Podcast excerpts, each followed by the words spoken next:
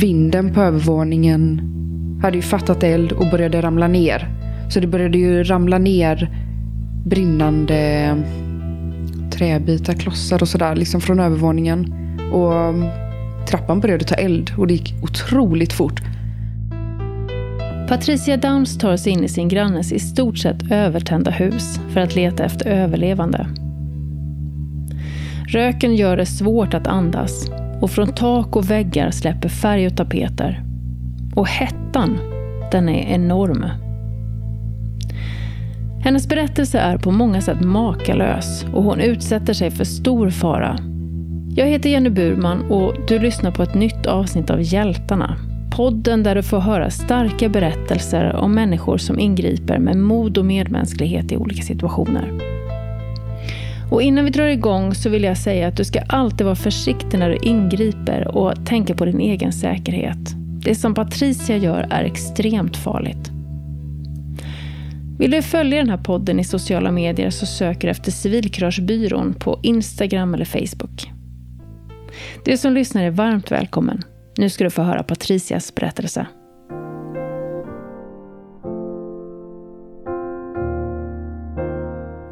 Det är en krispig morgon i februari när jag träffar Patricia hemma i hennes lägenhet i Askim utanför Göteborg. Luften är kall och solen gör sitt bästa för att värma upp dagen. Hon bor här tillsammans med sin pojkvän Petter sedan ett par år tillbaka. Patricia Downs har fått sitt efternamn från sin biologiska pappa som är irländare. Men efter några år i Sverige flyttade han tillbaka och hon är istället uppväxt med sin syster Siobhan sin mamma och deras nya pappa. Efter några år i den nya familjen fick de också en lilla syra, sladdisen Nelly, som är 13 år yngre än Patricia. Patricia beskriver uppväxten i villan i Eskilsby som fin och harmonisk. Idag har Patricia och Chivon flyttat ut sedan länge och eftersom flera i familjen jobbar skift så är det inte helt lätt att samlas hela gänget. Inte ens till högtider. Men när de samlas så är det villan i Eskilsby, hemma hos mamma, pappa och Nelly, som är den naturliga samlingsplatsen.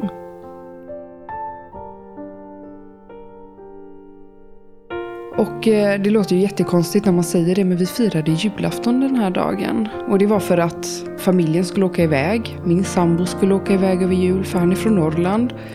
Och jag skulle jobba. Så att det blev sådär att vi hittade ett datum så vi firade jul tidigare, så att vi ändå fick det firat.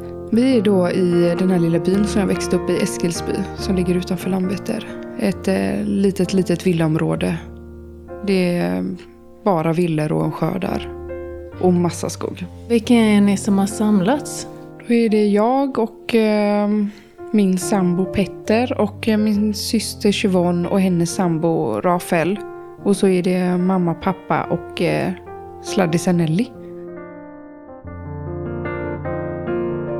Julfirandet är i full gång. De har precis avslutat middagen och ska förflytta sig till vardagsrummet för efterrätt och julklappsutdelning. Ingen kan ana vad som just är på väg att hända. Plötsligt hörs en knackning på dörren och genom fönstret kan de se att det är en yngre kille som bor i kvarteret som står utanför dörren. Och vi var ju ett väldigt annat statement än vad han var i. Vi var ju sådär, firade ju jul, vi var ju väldigt glada och när han knackade på vet jag att vi började ju skämta om att han knackade på. Började liksom kolla på Nelly, oj varför knackar vår grannpojke på här Nelly? började liksom eh, skämta om det. Men sen så såg vi att det var ju något som inte stämde riktigt. Hennes pappa går för att öppna dörren. Och från sin plats hör hon att grannkillen säger att det brinner längre ner på gatan. Och de orden räcker för att Patricia mer eller mindre ska flyga upp från stolen och bege sig ut. Men jag bara gick ju rätt ut. Jag hade ju bara en blus på mig och, och en kjol, tror jag att jag hade. Jag bara tog på mig skorna. Jag tror inte ens att det var mina egna skor. Jag tror bara jag tog första bästa par och sprang ut. Och då kände jag ju lukten utanför. Eh, och då bad jag honom fortsätt knacka på alla hus och hämta brandsläckare och brandfiltar. Men fort, sluta inte knacka liksom. Fortsätt varna alla. Med de orden till grannkillen börjar hon springa ner mot gatan för att hitta huset. Ju närmare hon kommer, desto starkare blir röklukten. Och trots decembermörkret urskiljer hon svart rök som stiger mot himlen bakom krönet. Det var ju sen när jag kom ner på gatan, då lös ju hela området upp av röken, eller av elden då. Och då var det någon granne ute och sådär och då frågade jag när jag sprang förbi, är räddningstjänst informerad, är det någon kvar i huset? Och då fick jag svar att ja, räddningstjänst vet om, ingen är kvar i huset. Hon kommer fram till huset och ser att övervåningen i stort sett är övertänd. Glasrutorna är krossade och rökutvecklingen är kraftig. Hon vet att mannen har hundar och trots att grannen på gatan precis meddelat att huset är tomt vill hon ändå säkerställa att ingen är kvar. Hon känner till huset från att hennes kompis bodde där när de var små och hon springer därför till baksidan av huset. Huset är byggt i suterräng och när hon kommer runt huset kan hon se att det ännu inte börjat brinna på nedervåningen. På vägen har hon fått med sig en betongprydnad som hon kastar mot fönsterrutan. Men det var ju tre glasrutor som skulle liksom knackas igenom. Vilket var jättesvårt. Man tror inte att det är så svårt att knacka det, men det var inte lätt. Dels att man inte såg någonting på grund av att röken sipprade ut redan på undervåningen också. För där var det rökfyllt. Och att det var mörkt. Jag såg inte vad det var jag hackade med. Jag såg inte rutan för att det var så mörkt. Alltså man såg att det sipprade ut längs med hela huset. Längs med all, eh, all panel. Det, det sipprade ut genom eh, trät på utsidan. Patricia får sällskap av hennes systers pojkvän Rafael och tillsammans tar de sönder glasrutan. För jag upp, då öppnades ju dörren och då tänkte jag att nu kommer ju hundarna. Eller så att de har sprungit. Men det kom aldrig. Och så, eller de kom aldrig ut. Och då tänkte jag, ja okej. Men hur vet man att ingen är hemma? Det var väl det som slog mig där. Men det kom ju ingen ut, det var bara rök som eh, kom ut. Då, för då hade vi ju för det första gjort ett genomdrag. För att rutorna på övervåningen, de var ju redan eh, borta. Allt var helt övertänt på övervåningen redan då. Med Rafael hack i häl tar hon sig in i huset med övertygelsen om att säkerställa att huset är tomt. Både från människor och hundar. Men förutsättningarna är tuffa och de har svårt att höra varandra. Ett poddtips från Podplay. I fallen jag aldrig glömmer djupdyker Hasse Aro i arbetet bakom några av Sveriges mest uppseendeväckande brottsutredningar går vi in med hemlig telefonavlyssning och, och då upplever vi att vi får en total förändring av hans beteende. Vad är det som händer nu? Vem är det som läcker? Och så säger han att jag är kriminell, jag har varit kriminell i hela mitt liv men att mörda ett barn, där går min gräns. Nya säsongen av Fallen jag aldrig glömmer på Podplay. Det är väldigt högt ljud av en brand, det tänker man inte på. Alla har väl nästan suttit vid en brasa någon gång. Det kan ju låta en del. Tänk dig det fast ett helt hus som är helt övertänt. Som har massa material på vinden och väldigt då, dånande ljud. Väldigt högt. Och det small och exploderade ju hela tiden också. För det är ju trä och det var ju plast som exploderade och... Den kraftiga branden och rökutvecklingen är även tuff för kroppen. Och det är i stort sett omöjligt att andas. Det är precis nästan som att vara under vatten. Du andas in men det är något som tar stopp. Så att du får liksom ingen luft. Det, och just det här, man tänker inte på hur kroppen reagerar heller. Direkt hur svettig man blev. Eh, det började rinna. Alltså just hur kroppen reagerade, för det var väldigt varmt. Det var ju som att gå in i en bastu, om inte varmare. Det tänker man inte på hur faktiskt kroppen reagerar också när du springer in. Samtidigt är det svårt att andas och du börjar svettas. Och att det är svårt att höra varandra och det gör att du måste skrika ännu högre. Vilket tar på krafterna ännu mer. Det flög runt grejer. Det är jättesvårt att förklara men jag tror att det kanske var målarfärgen från taket. För jag vet att det, det smattrade liksom. Och jag vet också att jag såg tapeten på nedervåningen. Att det började sådär fladdra lite. Jag, jag tror att det började liksom ehm, skalas av. Ja, det var konstig, konstig miljö att vara i. Jag vet att jag reagerade ibland att jag fick sådär ont att någonting kom på, kom på mig. Men jag var ju så, jag var ju redan, det var ju som en bastu. Så att jag var ju redan så blöt också. Så jag vet inte riktigt om det var att kroppen sa ifrån på det sättet heller. Ja, min blus sitter ju som att jag har duschat på mig. Så den är ju klistrad. Någon sån nylon. Jätteperfekt att springa in i ett hus med. Men en sån plastblus som jag hade på mig. Brandutvecklingen går snabbt med otrolig kraft. Eh, just i det läget så kan jag inte minnas att trappan brann. Men vi hade ju gett syre nu till det här eh, branden på övervåningen. Så efter det gick det otroligt fort. Jag kan bara säga som 30 sekunder så brann i trappan också. Och dels att eh, vinden på övervåningen hade ju fattat eld och började ramla ner.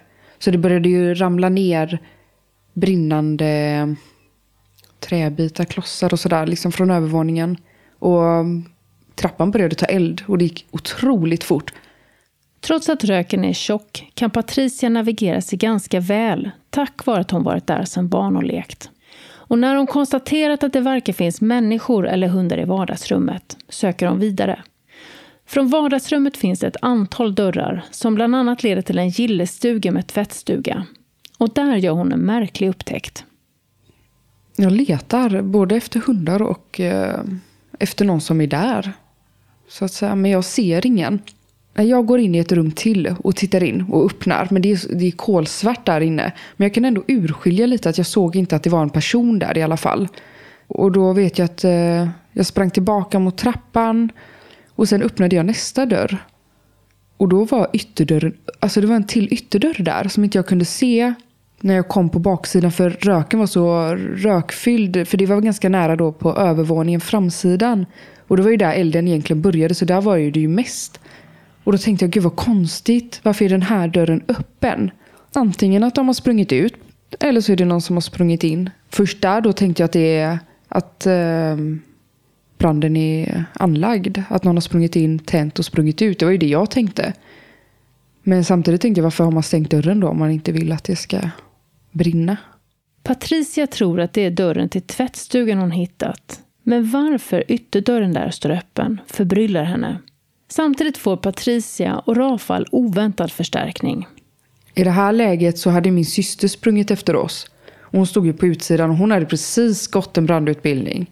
Eh, för hon jobbar eh, som instruktör för, spår, eh, för Göteborgs spårvägar. Så hon visste ju att den här röken är ju jättefarlig. Och liksom tyckte att det var mm, konstigt att vi sprang in. Och hon blev ju också orolig då att det skulle hända någonting. Och hon inte hittar oss. Och vem ska hon dra ut om vi är två och sådär.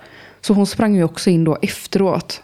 I samband med att Patricia öppnat dörren in mot tvättstugan skapar hon ytterligare drag genom huset. Och det betyder att elden nu får ännu mera syre. Och tiden för att undersöka tickar ner. Nu är det tungt att vara här. Dels för att det redan börjat brinna i trappan och då stod jag ju nästan bredvid.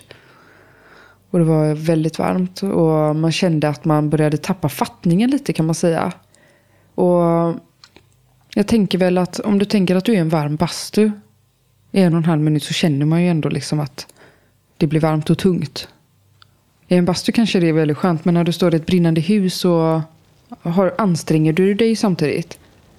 Vi sprang runt och vi skrek och, och så. Det, det blir ju att du anstränger dig i den här värmen och att du inte får tillräckligt mycket syre. Och jag vet att vi alla nästan sa det samtidigt, nu måste vi ut. Så det kändes nästan som att vi alla fick den känslan samma tidpunkt. Samma sekund. De befinner sig vid trappan upp mot övervåningen och har kommit överens om att ta sig ut så fort som möjligt. Men plötsligt är det ett ljud som tar sig genom den murrande branden. Då hör min syster Eh, mobiltelefon, eh, alltså ringsignalen på övervåningen. Och hon skrek det, men jag förstod inte det riktigt då. Men eh, nu, alltså nu i efterhand så vet jag ju att mamma sa precis innan vi gick så skrek ju hon att jag ringer ägaren. Så det var ju hon som ringde då. Och det var det min syster hörde. Och då började hon skrika kom ner. Och det, var precis som att jag hängde på. För jag förstod ju inte, för jag hörde inte riktigt signal. Jag förstod inte hur hon hörde det ljudet. Men eh, då började vi alla skrika kom ner. I ett brinnande inferno står de alla tre och ropar kom ner. Men platsen de befinner sig på är livsfarlig och plötsligt får hon en hård knuff i sidan av Rafael. För då ser han någonting svart komma ner, nerramlandes från trappan. Han tror ju att det är taket. För att det har redan eh, börjat eh, falla ner så mycket från taket och vinden har ju fattat eld och hela huset är ju helt övertänt på våningen. Så man kan ju tänka att det ramlar ju ner såklart grejer i trappan. Så han trodde ju att det var taket, en sån bjälke eller någonting som föll ner. Och jag var ju så pass nära honom i det läget. Så jag fick en rejäl knuff från honom. Och var precis på väg ut. Och Då vände jag mig om och nu är det liksom, nu får vi gå. Men då ser, på något sätt så lyckades jag efter några sekunder urskilja att det är en människa. Och det var ju för att jag såg en hand. Så jag vet, måste kastat sig ner på något sätt. Måste vakna till av ringsignalen. Och, och då bara kastat sig ner. Gjort en sån sista kast, eller vad säger man? Att man... Han måste ju fått någon sån här styrka. Från medvetslös till att höra mobiltelefonen till att höra oss. Patricia har först själv svårt att förstå vad det är hon ser.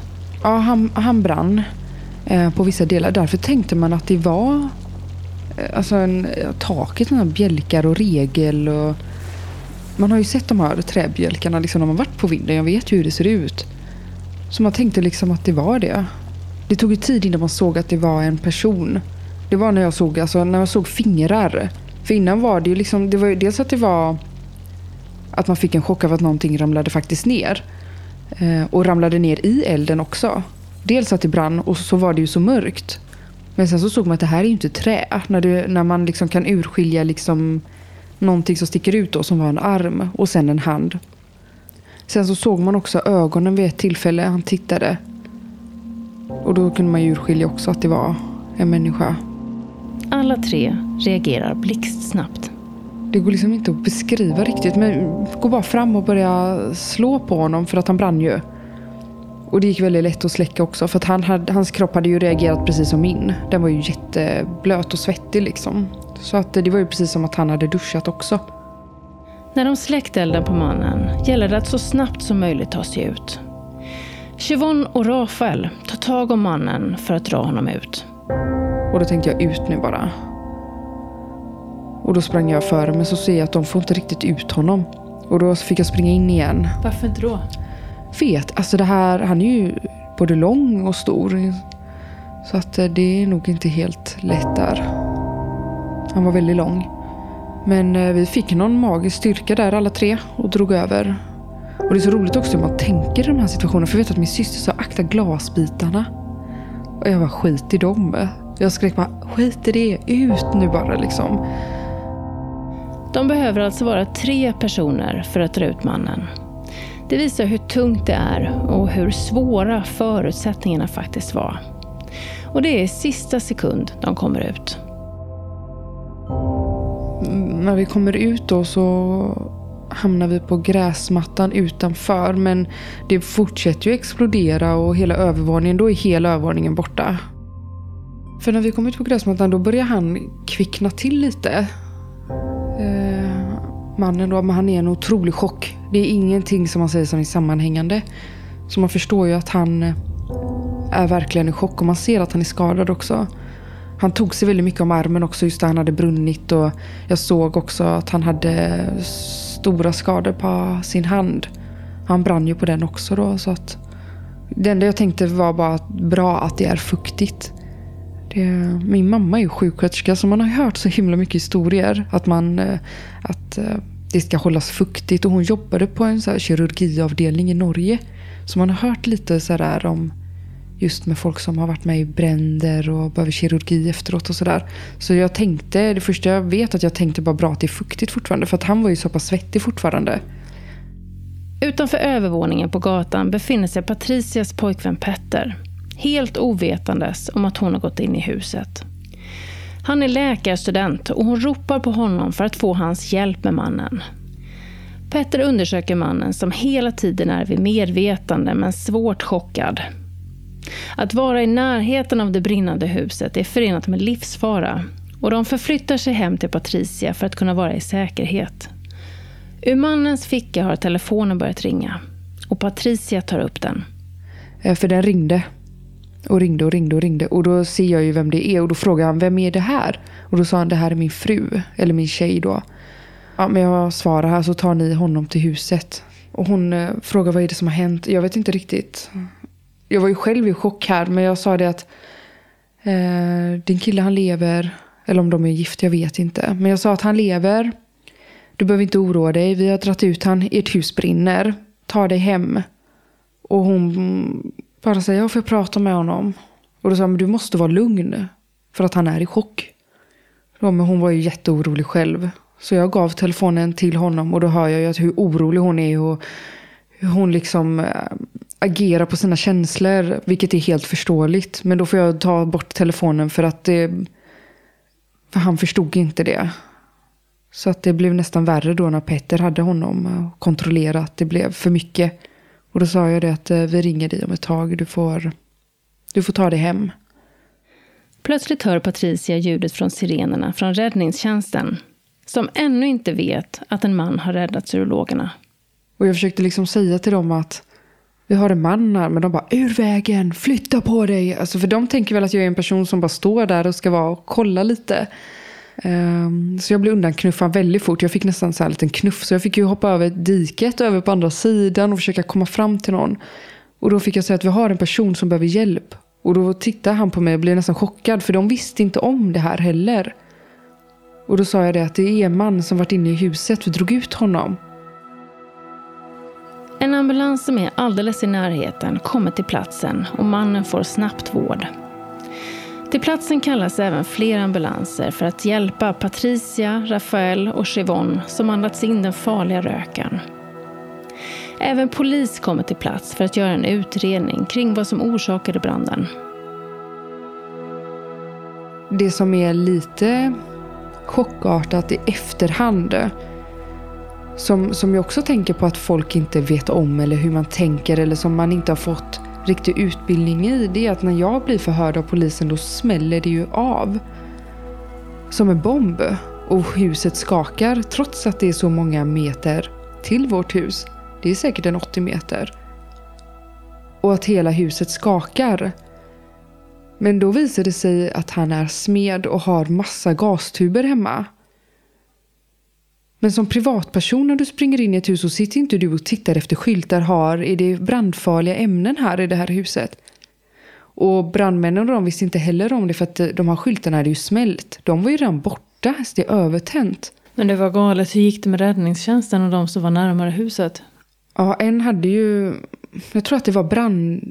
Nej, det var en ambulanspersonal som hade haft eh, en av gastuberna 20 centimeter från huvudet. När den smällde av så åkte den upp eh, på framsidan genom hela huset. Och upp på berget liksom. Men då var det 20 centimeter från huvudet. Den flög när den exploderade. Den närmsta tiden efter branden var Patricia starkt påverkad. Hon hade mycket mardrömmar och var känslig och reagerade starkt på ljud som skulle kunna förknippas med till exempel larm. I efterhand har hon träffat räddningstjänsten som varit till stor hjälp med att sortera alla intryck från händelsen. Vi fick ju väldigt bra hjälp av räddningstjänsten efteråt. Vi gick ju in i möten där vi alla pratade om vad som hände i kronologisk tidsordning. Patricia har inte träffat mannen efteråt och har inte kunnat lägga deras gemensamma pusselbitar tillsammans för att kunna förstå förloppet. Mannens hundar klarade sig inte i elden, men hon vet att mannen mår förhållandevis bra efter allt som har hänt. Jag har pratat med hans dotter, men det var jättelänge sedan nu också. Men, eh, vad sa hon och vad pratade ni om? Ja, hon tackade ju såklart. Och var jättetacksam över att hennes pappa lever och att han mår bra. Att han har ju genomgått en del operationer och sådär. Patricia är väl medveten om den fara som hon utsatt sig för. Inte minst eftersom det fanns explosivt material inne i huset. Det är ju ingen som hade rekommenderat mig att springa in där egentligen. Om jag hade pratat med räddningstjänsten i telefon till exempel. Jag förstod ju att röken var farlig och sådär men ändå inte på riktigt hur farlig den faktiskt är. Hade det hänt idag så hade jag ju varit mycket mer försiktig med vad, vad finns inne i huset. Idag vet jag hur snabbt det går när man har öppet en dörr. Platsen där allt hände står fortfarande öde. Det finns ingenting kvar där. Jag tror att det är en bil och två nedbrunna motorcyklar som är där bara. Det är så många saker som är fantastiska i Patricias berättelse. Det mest uppenbara är såklart att mannen klarar sig. Men jag tänker också på det faktum att hon springer in i huset trots att en granne ropar att det är tomt. Men sen också att hennes syrra kommer i precis samma sekund som deras mamma ringer till grannen som är kvar på övervåningen. Och att de tillsammans med syrran börjar skrika, vilket får mannen att använda sina sista krafter till att kasta sig ner för trappan. Jag vill passa på att upprepa det jag sa inledningsvis. När du ingriper, försök tänka igenom risken och var rädd om dig. I Patricias fall gick det bra, men det är otroligt farligt. Tack Patricia för att du delar med dig och tack du som har lyssnat. Jag heter Jenny Burman och jag hoppas att du lyssnar snart igen. Hej då!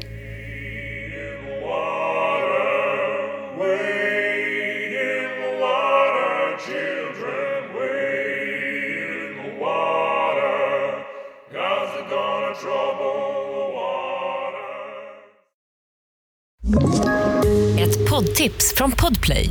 I fallen jag aldrig glömmer djupdyker Hasse Aro i arbetet bakom några av Sveriges mest uppseendeväckande brottsutredningar. Går vi in med hemlig telefonavlyssning och, och då upplever vi att vi får en total förändring av hans beteende. Vad är det som händer nu? Vem är det som läcker? Och så säger han att jag är kriminell, jag har varit kriminell i hela mitt liv men att mörda ett barn, där går min gräns. Nya säsongen av Fallen jag aldrig glömmer på Podplay.